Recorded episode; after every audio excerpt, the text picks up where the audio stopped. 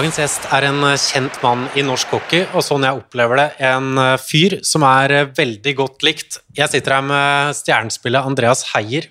Velkommen hit. Takk for det. Hyggelig at du tar deg tid. Jo, takk for at jeg fikk være med. Vi skal innom flere temaer i dag. Vi skal selvsagt snakke om hockey, og vi skal snakke om den hallen vi sitter i. Men aller først så tenker jeg at vi skal innom det som nok har betydd aller mest for deg de siste to og et halvt årene.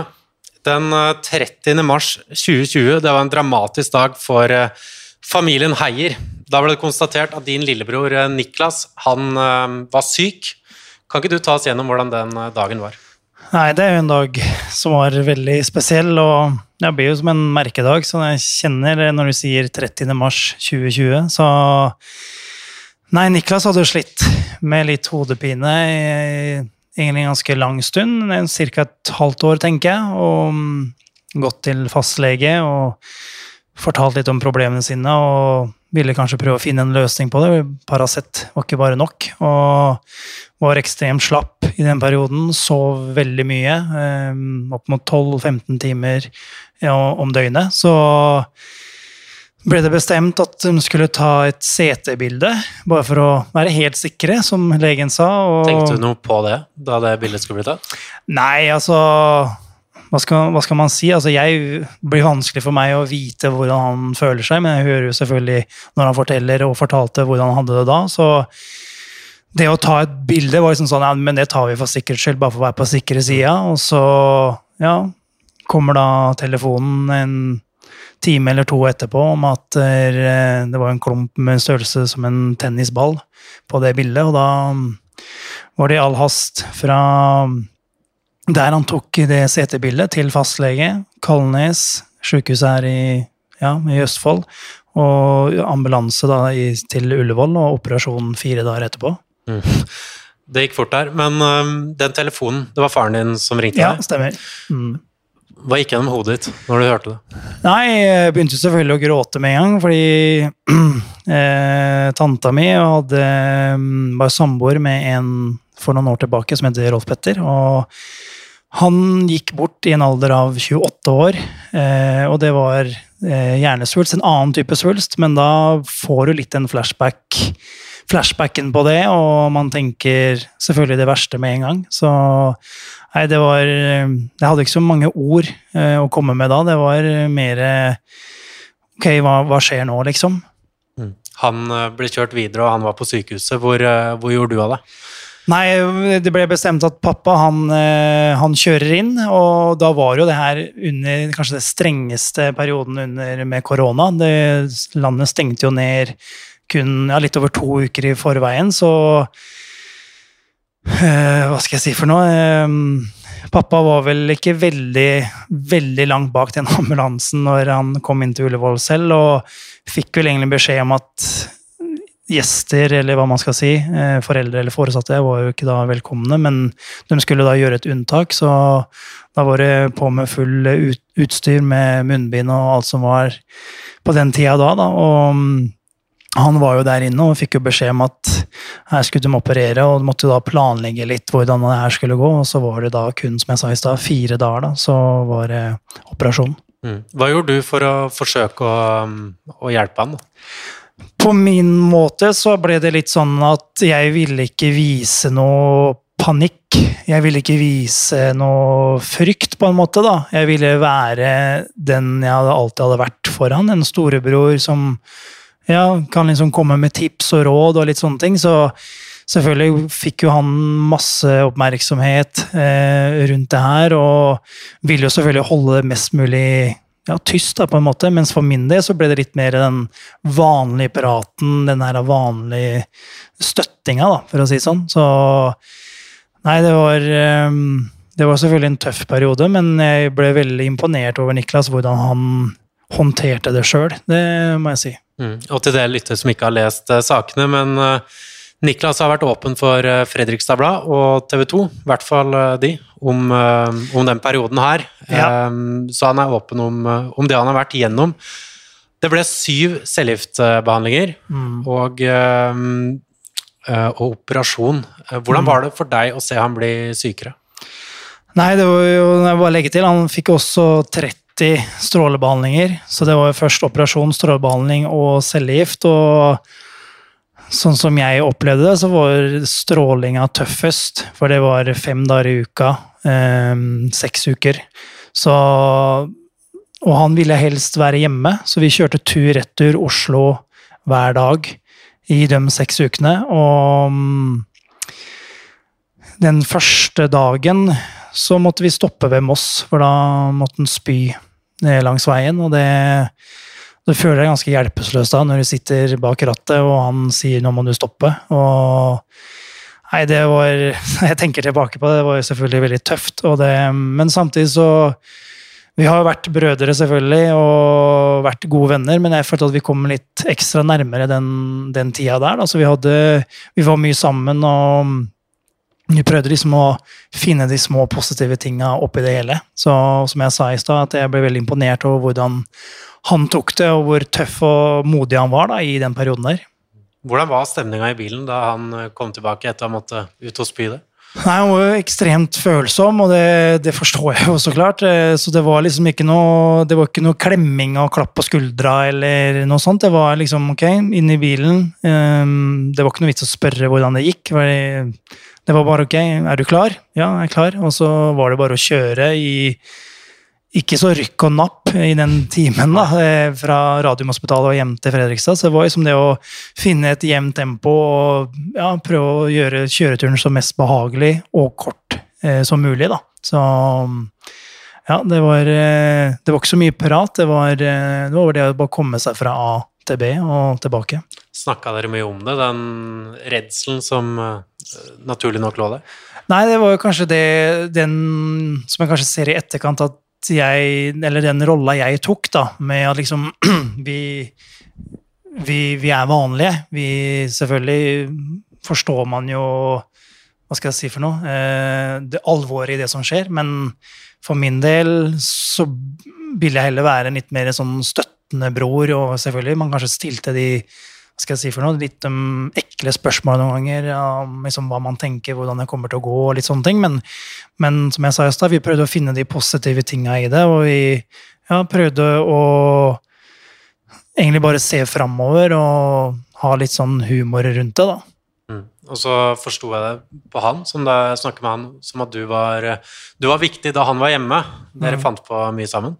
Ja, det ble jo Ja, som jeg sa i stad, det var jo under korona og nedstenging, så det var jo man var jo også bekymra for det, hvordan det skulle påvirke han hvis det, hvis det, skulle komme inn i huset. Og selvfølgelig, vi, vi Hva skal jeg si? Vi vi prøvde bare å gjøre det beste ut av det. Vi så mye på filmer og serier og ja, det, jeg husker vi gikk jo gjennom Prison Break bare på noen ukers eh, tid, eller en ukesperiode der. Og nei, det var jo sånne ting da man, man, man, måtte gjøre. Og det å lage mat og ja, bare prøve å få det best mulig, egentlig. Mm. Du sa at du følte at det her eh, tok dere nærmere, da, den mm. Eh, perioden. Hvor, hvor tett bånd har dere hatt? Altså nå. Hvor tett bånd har dere hatt uh, før det? Nei, vi, som jeg sa, vi var jo Ja, han spilte hockey, jeg spilte hockey. Um, hadde jo selvfølgelig jevnlig dialog når jeg var i Sverige eller noe sånt. Og, men Niklas var jo alltid, alltid vært veldig sosial, var veldig ute med venner og sånne ting. Så man bodde kanskje litt på samme adresse, da. Og så hadde man den interne humoren når man begge kanskje var hjemme. men den perioden der så, så ville jo helst Niklas holde det mest mulig innenfor fire vegger, og vi Det var ikke så mange som visste om det før han gikk ut da, senere på sommeren der med det. og Nei, vi ble selvfølgelig veldig tighte, og man kjente jo det i familien, at man, man tok hånd om hverandre, da. Så ja, man ble kanskje en litt bedre storebror da, enn hva man kanskje hadde vært. Mm den felles eh, kjærligheten for eh, ishockey, hvor, hvor viktig har den vært for eh, brødreforholdet? Nei, det blir jo selvfølgelig en sånn naturlig interesse for begge to. Og, og jeg syns jo det er ekstremt synd for Niklas, som måtte gi seg når, når det her skjedde, men som jeg har snakka om i etterkant òg, at helse er det viktigste. Og den sesongen så var jo Niklas med én match, og vi hadde ja, noen bytt sammen også, så man håpa jo på at at han kanskje skulle klare å ta steget opp til A-laget, men eh, når sånne ting skjer, så, så, er det kanskje den minste bekymringa man har i livet. Men eh, ja, han har jo fortsatt den lidenskapen for hockeyen, og ja, er jo nå hovedtrener her på U15 i Stjernen. og hører ofte at han får veldig mye skryt for måten han formulerer seg på, og hvor flink han er med de yngre spillerne i klubben. Så han klarer jo å bidra på en veldig positiv måte, da. Hvordan er det for deg å se at han, eh, han får ikke han får ikke spille, men han får fortsatt bidra? Nei, jeg syns det er artig. Han har tatt trenerkurs og vil liksom ja, kanskje videreformidle litt den kunnskapen han har. Og han var jo en smart spiller og liksom så spillet mye bedre enn meg og hadde bedre teknikk enn meg, så, så han kunne jo ha gått veldig langt. Så jeg syns det er veldig ålreit at han bruker den lidenskapen han har, da, til å kunne ja, kanskje hjelpe de som vil, vil noe med hockeyen. Så nei, jeg syns han gjør en veldig bra jobb, og jeg syns det er ekstremt artig å høre når han får skryt for den jobben han gjør. Det ble naturligvis eh, mange tanker eh, rundt det her, og du brukte mye tid med Niklas. Hvordan påvirka det hockeyen? Nei, jeg vil jo si at det kanskje påvirka det på en litt sånn positiv måte. Fordi man blir veldig prega av det som skjer, og man så vel kanskje det på en positiv måte det å kunne dra og trene på en sånn Ok, nå får jeg ut litt steam, kanskje, da, og får blåst ut litt, på en måte. Så selvfølgelig Det at Niklas ikke kunne spille, da fikk jeg kanskje en tanke at det kan man ikke ta for gitt, da. Og man vil gjøre det beste ut av det. Man vet at ok, det er ikke sikkert man kan spille til man er 35 eller 40 eller ja, hva det måtte være. At man ja, tar de sjansene man får, og klarer å, å, gjøre det beste ut av den treninga man er på, eller den matchen man skal spille. da. Under den eh, perioden her så var det utenlandske klubber som var interessert i deg. Hva, hvilke vurderinger gjorde du rundt det? Eh, nei, det var jo et, Det som jeg sa, det, det skjedde jo på våren 2020. Så ja, det var noe interesse, men det var ikke noe sånn at det var noe konkret på bordet. Men det var interesse, og da ville jeg vel egentlig ganske tidlig ta et valg med at akkurat nå så vil jeg jo ikke reise noe sted. Så da Jeg var jo fortsatt under kontrakt med Stjernen, men jeg hadde jo en klausul på at jeg kunne reise. Men um, for meg da så var jo ikke det noe alternativ. Da var det jo å være her og følge opp uh, ja, broren min så godt jeg kunne gjøre, og ha fokus uh, her i, i, Fredrikstad, da. Mm. Nå er han uh, tilsynelatende frisk. Uh, hvordan var det den, den dagen han faktisk ble det? Ja, nei, han er jo fortsatt på sånn halvårskontroll. Så som storebror så, så tenker man jo selvfølgelig at det her kunne jo ha gått langt verre. Men eh, man er jo glad for at han har tatt behandlinga så bra som han har gjort. Og eh, han er ved godt mot, og jeg ser at det siste ja, snart et år nå, så, så har han jo tatt store steg igjen. og og ja, har begynt på høyskolen igjen, eh, der han studerte når han ble syk, og gjør en veldig bra innsats her i, i Stjernen. Så jeg syns han gjør det kjempebra, og det er jo selvfølgelig ja, stort da, for meg som storebror å se at lillebror eh, kommer seg på beina igjen og gjør det bra. Mm. Vi skal eh, bytte tema. Vi går over til forrige sesong. Det starta med et, et brak. Hvordan var det å være stjernespiller da? Nei, det var selvfølgelig veldig artig. Vi hadde jo en flying start. Slo Vålerenga hjemme i, i seriepremiera, og Vålerenga var jo da tippa som nummer én av de aller fleste. Så vi så jo det at det var en tøff seriepremiere for oss. Så nei, vi stakk av med seieren der, og der um, kjente man allerede da at man hadde en sånn go i laget og i klubben, og vi klarte å holde den stimen ganske lenge. Så nei, det var artig, det. Dere overgikk jo det, i hvert fall de tabelltipsene som eh, kom den gangen. Trodde du før sesongen at dere skulle være så gode? Det var veldig vanskelig å si, for jeg syns øh, Under sommeren så syns jeg vi gjorde noen veldig bra og spennende signeringer, og vi, vi så jo det på papiret at vi hadde et veldig bra lag. og ja, Noen tippa oss på andreplass, noen tippa oss på tredje, noen tippa oss på sjuende. Så sånn for min del så syns jeg det var vanskelig å kunne si sånn ok, eh, hvor ligger vi, eller på en måte. Og, men vi hadde vel sånn internt i laget at vi har et lag til å kunne nå topp topp fire, topp tre. Men vi uttalte vel det egentlig aldri. Det var kanskje bare Ole Einar som, ja.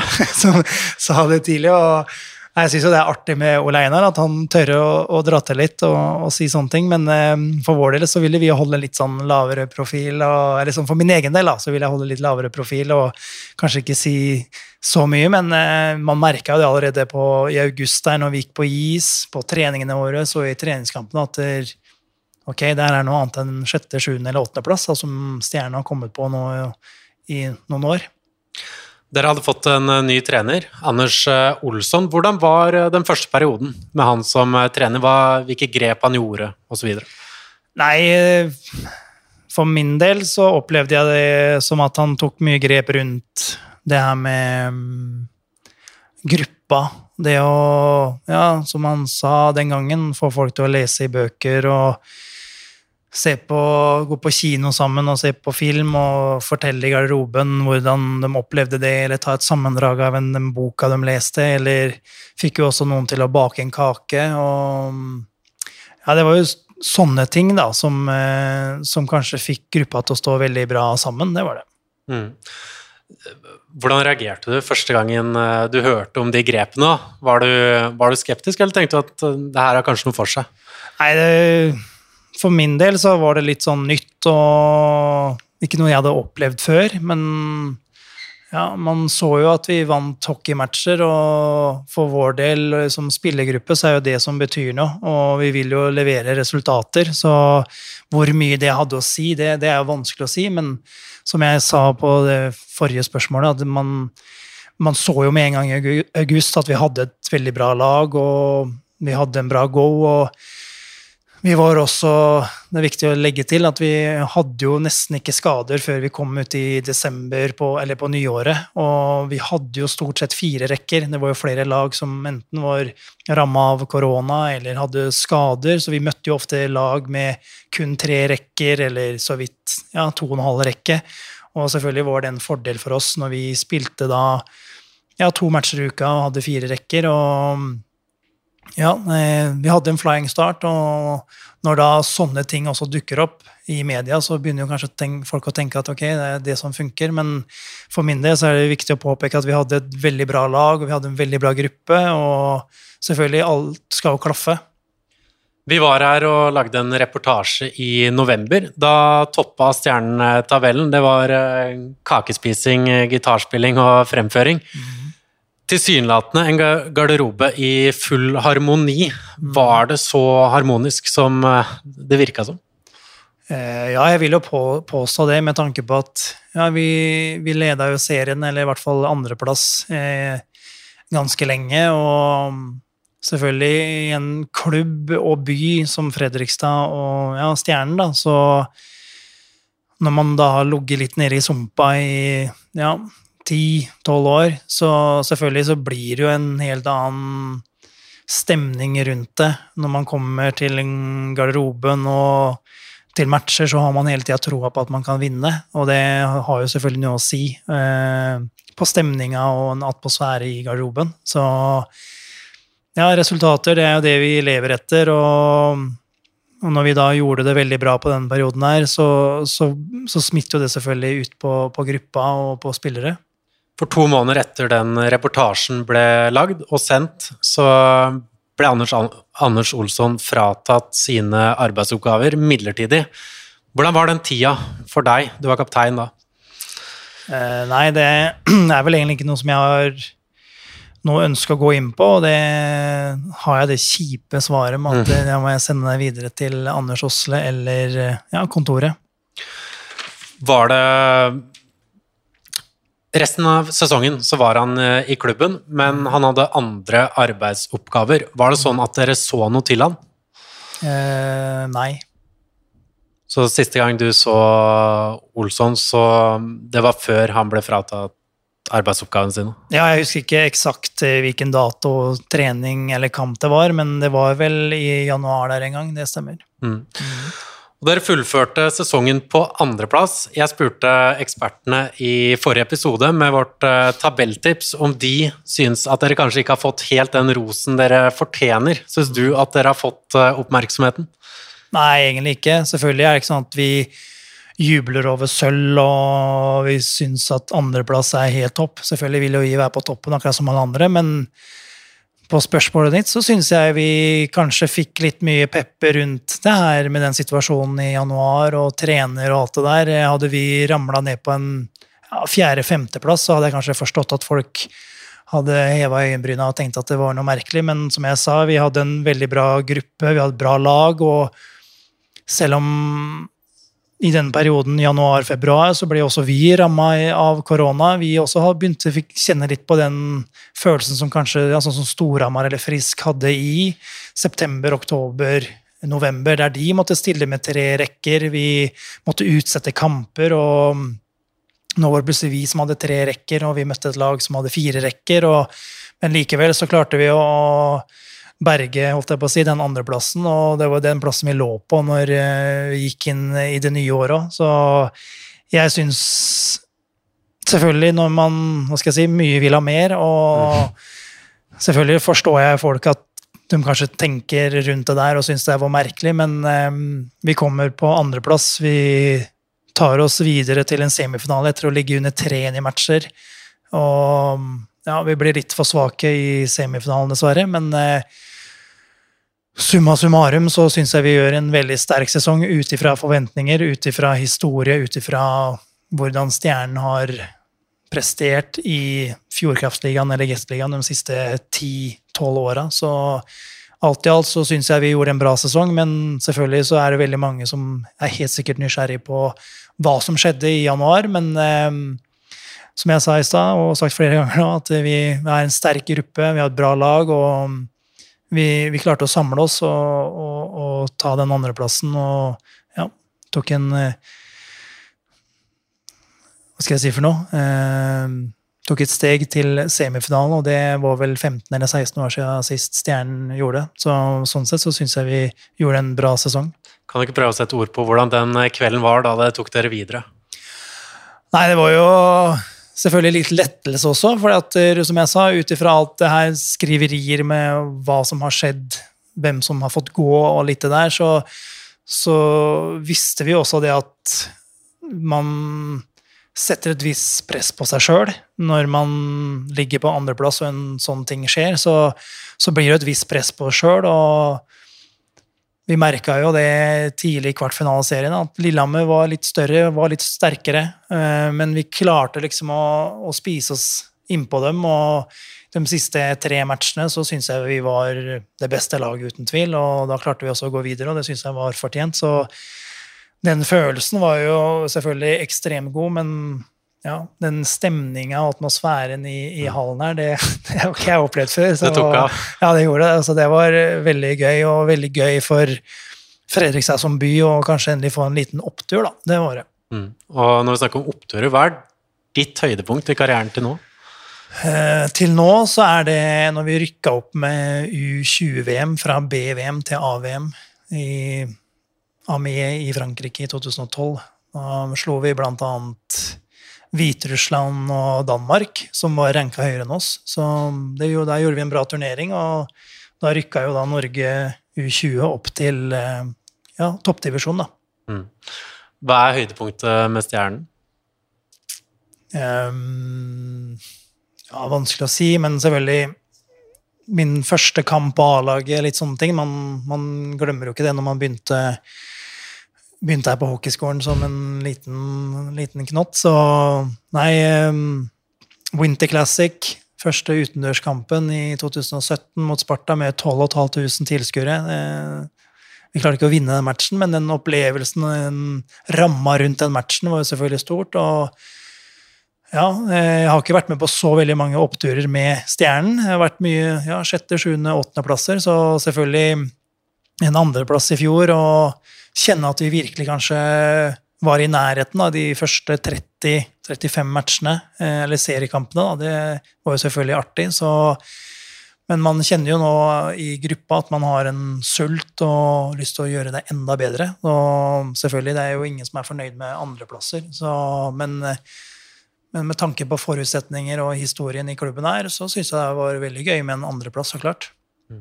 Du har flere landskamper. Hvor stort har det vært? Nei, selvfølgelig. Det er jo noe av det største man kan oppleve det som eh, ja, norsk hockeyspiller. Å ha isbjørn på brystet. Og selvfølgelig, hver eneste gang jeg har vært med, så har det jo vært bra motstand og bra nivå. Så det har alltid vært veldig givende å, å være med og ja, spille sammen med ja, spillere som jeg hadde som idol da når jeg var yngre. Og Nei, det, det er selvfølgelig noe man, man vil og er jo stolt av å kunne ha vært med på. Og jeg ser på meg sjøl som fortsatt ung, så jeg håper at jeg får flere muligheter. Ja, Det er et mål du har, å spille deg inn eh, på landslaget? Ja, helt klart. Jeg er 28 år og føler fortsatt at jeg ikke har fått ut maks eh. Og når jeg er på mitt aller beste, det må jeg lære meg, da, å være litt mer jevn og holde, med, holde nivået på et høyere nivå. og Da håper jeg selvfølgelig at jeg kan være god nok til å komme med på landslaget igjen. Mm. Og så skal vi snakke om den eh, hallen vi nå sitter i, Stjernehallen. Hvor, hvordan har det vært å følge utviklingen med Det har pågått lenge. Arena Fredrikstad, hvordan har det vært? Det har vært eh, frustrerende, egentlig. Eh, jeg hørte Første gangen jeg hørte om en ny hall i, i Fredrikstad, det tror jeg var ja, rundt 2010-2011, kanskje. Eh, da begynte man å høre litt sånn småsnakk at det var noen som hadde lagd noen tegninger og litt sånn. Og i 2016 så ble det jo vedtatt at Arena Fresia skulle bygges. Og ja, etter det så har det vel egentlig vært ganske stille. Og med tanke på ja, prisøkning, inflasjon og alt det her, så, så, skjønte man vel at det her kanskje kunne bli tøft. Um, men eh, for klubben sin del så handler det ikke en ny arena om bare Hva skal jeg si En kamparena klokka sju på en torsdagskveld eller klokka fire på en lørdag. Det, det er så mye mer, da. Og skal Stjernen som klubb klare å henge med i toppen av norsk hockey, så, så må vi ha to isflater. Eh, her har vi én isflate. Vi har ungdomslag som trener klokka ti til elleve.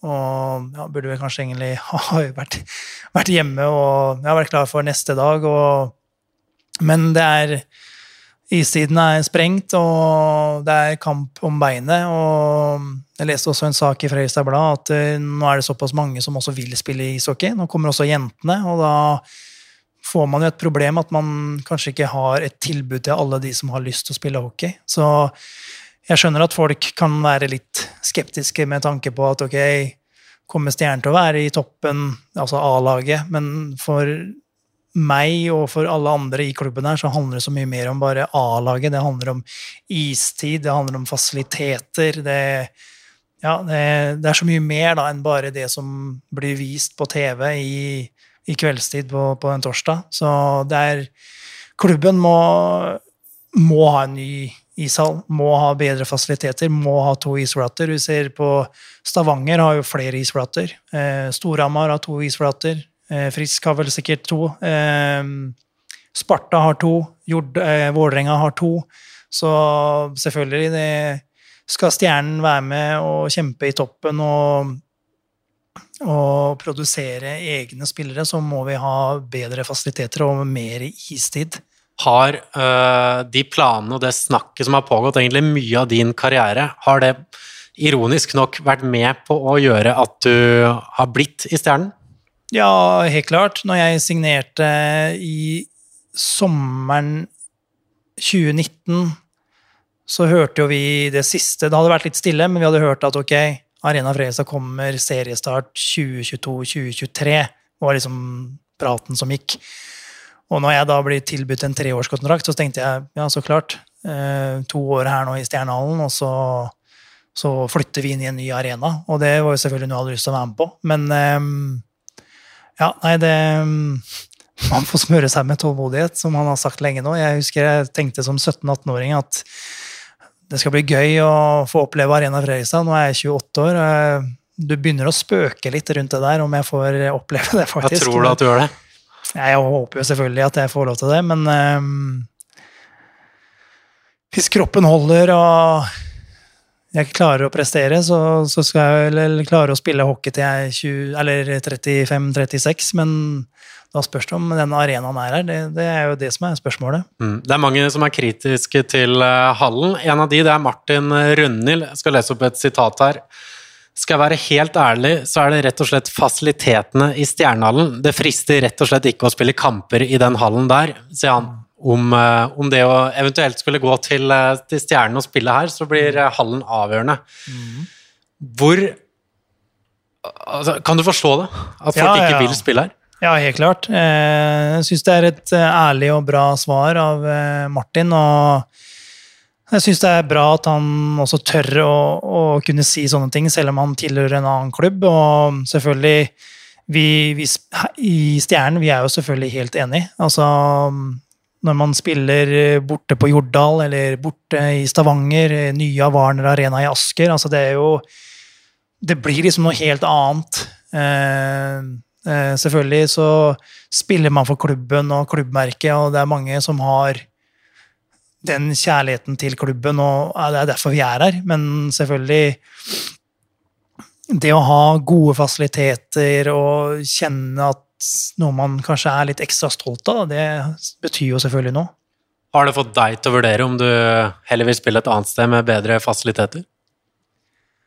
Nei, altså Jeg er fra Fredrikstad og er stjernegutt, og jeg vil jo selvfølgelig spille i Stjernen. Men um, når man ser at andre klubber, andre kommuner får det til, så, så, begynner man jo selvfølgelig å tenke at ok, hockeykarriera den varer ikke evig. ok, Hvem har sjanse til å vinne? Hvem, hvem har bra fasiliteter? Hvem har et bra sportslig tilbud?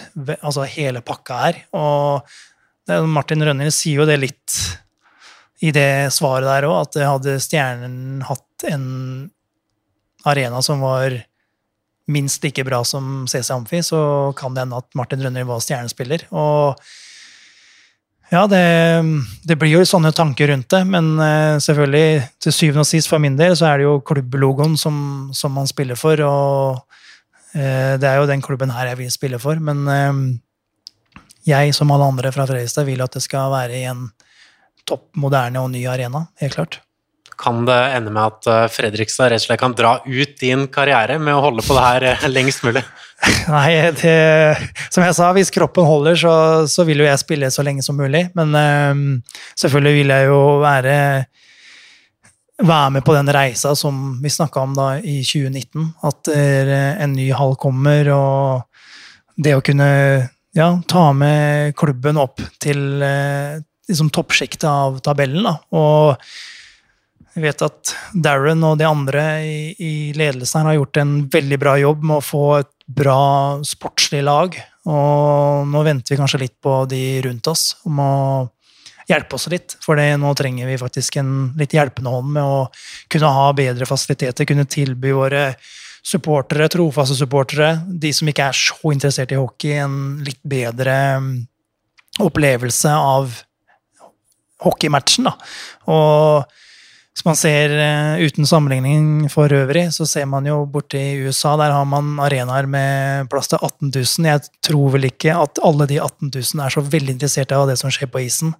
Og det tror jeg også kan her i Norge, når man får de nye arenaene, at man klarer også å dra med seg de som ikke er så interessert, men er med for opplevelsen sin skyld. Da, og skape litt sånn blest rundt det. Nå var vi 1500 på tribunen her i første seriematch, og det er vel sikkert 15, eller hva skal jeg si for noe, ganske nærme 100% av de 1500 som er veldig interessert i hockey, veldig interessert i Stjernen, og selvfølgelig Storhamar-supportere, men man får nok ikke de ekstra som man hadde fått, eller vil få, da, i en uh, ny, moderne arena med bedre fasiliteter, bedre tilbud eh, osv. Mm. For det er en gjeng som alltid kommer, uh, mm. Red Beers. Ja. Uh, blant de. Kan ikke du si noe om uh, supportermiljøet her?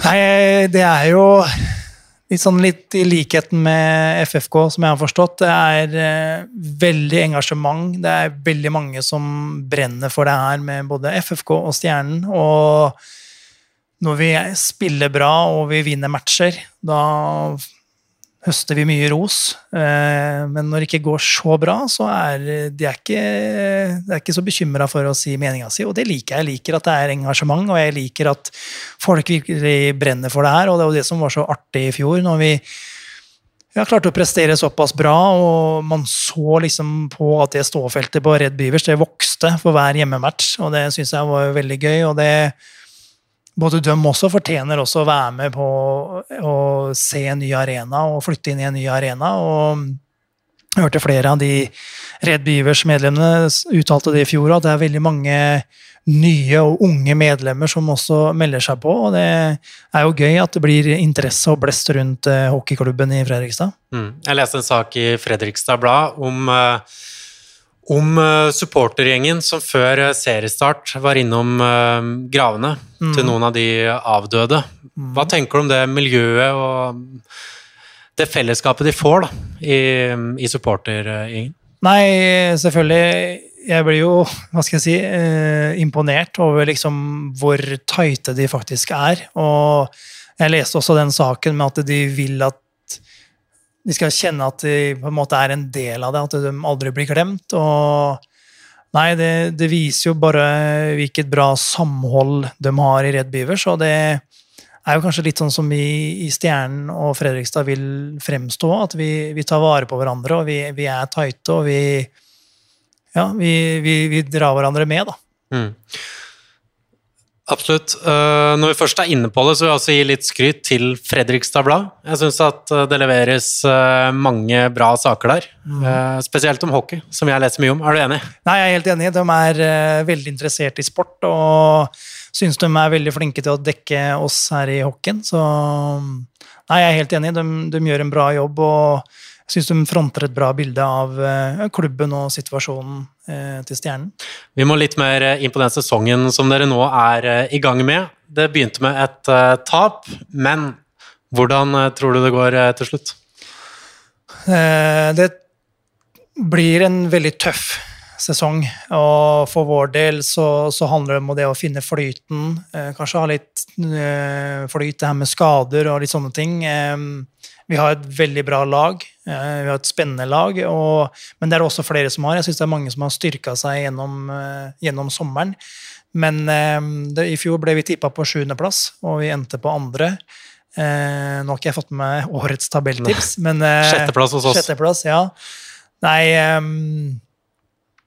vi, vi, vil jo selvfølgelig gå ut og vinne hver eneste match og, og gjenskape litt den hockeymagien som vi, vi, opplevde her i byen i fjor. Og eh, jeg vil påstå at vi har alle muligheter til å gjøre det. Eh, vi kan konkurrere mot alle lag. Så Nei, for vår del så handler det om å, å stå samla som en bra gruppe, som vi gjorde i fjor, og prestere eh, gode matcher. og komme litt inn i den flytsona som vi også var i fjor, da. Mm. Dere har fått inn uh, en svensk trener også i år. Har han noen av de samme grepene som uh, den forrige treneren? Nei, selvfølgelig. Det er jo Man har jo selvfølgelig sin egen filosofi rundt saker og ting, og jeg syns Fredrik har gjort et veldig bra inntrykk her nå i starten. og vi jobber veldig litt den samme biten som vi snakka om i stad, det her med gruppa. Eh, det er det som er viktig, det er vi som skal prestere. Vi kan ikke være eh, avhengig av enkeltmannsprestasjoner. Eh, vi må kunne stå bra som lag og stå bra som gruppe. og det syns jeg Fredrik legger mye vekt på. Og vi terper på detaljer på trening hver eneste dag. Detaljer som vi føler at vi må jobbe med, og det vil jo selvfølgelig, og forhåpentligvis, gi resultater etter hvert. Mm. Hvor bra er laget sammenligna med det dere hadde i fjor? Eller forrige sesong? Mm, ja, det er et godt spørsmål, men jeg vil si at vi står nok ganske likt. Vi har klart å beholde ganske mange. Eh, I fjor hadde vi hele 11 eller 12 utskiftninger, altså før forrige sesong. I år så har vi klart å beholde ganske mange av de som kom. og Jeg syns eh, backup-setninga vår ser veldig bra ut. Vi har eh, bra, spennende forwards, og vi har to unge, lovende keepere. Og jeg vet at sånn som Jesper er ekstremt revansjesugen etter en ikke så bra sesong i fjor. og Syns han ser veldig bra ut, syns han ser bedre ut for hver dag. Men jeg har også Preben, som er veldig ambisiøs og, og, vil ta opp den fighten. Så sånn sett så syns jeg laget ser ganske så likt ut. Og nå har det bare vært en måneds tid, og ting tar jo litt tid. Ting, folk må finne sine plasser, finne sine roller, og jeg har god tro på at vi kommer til å se ganske så bra ut utover sesongen. Mm. Før vi runder av, så tenker jeg at vi må, ha, vi må spørre deg også. Eh, Alexander Bondsaksen, Patrick Thoresen, Martin Røymark er blant profilene som har vært ute og uttalt seg om eh, strømkrisen. De høye strømprisene som gjør at uh, ishaller må stenges og barn og unge ikke lenger har uh, et tilbud å gå til. Mm. Hva tenker du om det, at vi nå har uh, barn der ute som ikke får spille ishockey pga. strømpriser? Nei, jeg syns det er helt tragisk, på samme måte som de du nevner har sagt også. Det er jo et problem når man ikke klarer å gi barn og unge et godt nok fritidstilbud. Og når eh, ishaller må stenge, så tar du bort en god del av den, det tilbudet som ja, barn og unge kanskje mange søker etter. og finner gleder da, eh, etter en en skoledag eller på fritid, eller hva det er for noe, så, så, har de et sted, de har en møteplass. Det er der de får venner. Um, ja, det er der de vokser, det er der de modner til. Da. Og nei, som jeg så Bondsaksen også sa, etter en pandemi nå der mange har sittet inne, vært isolasjon, har vært karantener, så har mange savna det der. Og nå er det liksom en strømkrise som skal sette en stopper for det, og det syns jeg er tragisk. Der mener jeg at et såpass velfungerende land som Norge bør kunne eh, ha mye mer kraft til å gjøre noe på den fronten der. Mm. Det syns jeg var fine og sterke ord, og noe vi kan avslutte med. Takk for at du tok deg tid. Takk for at jeg fikk være med.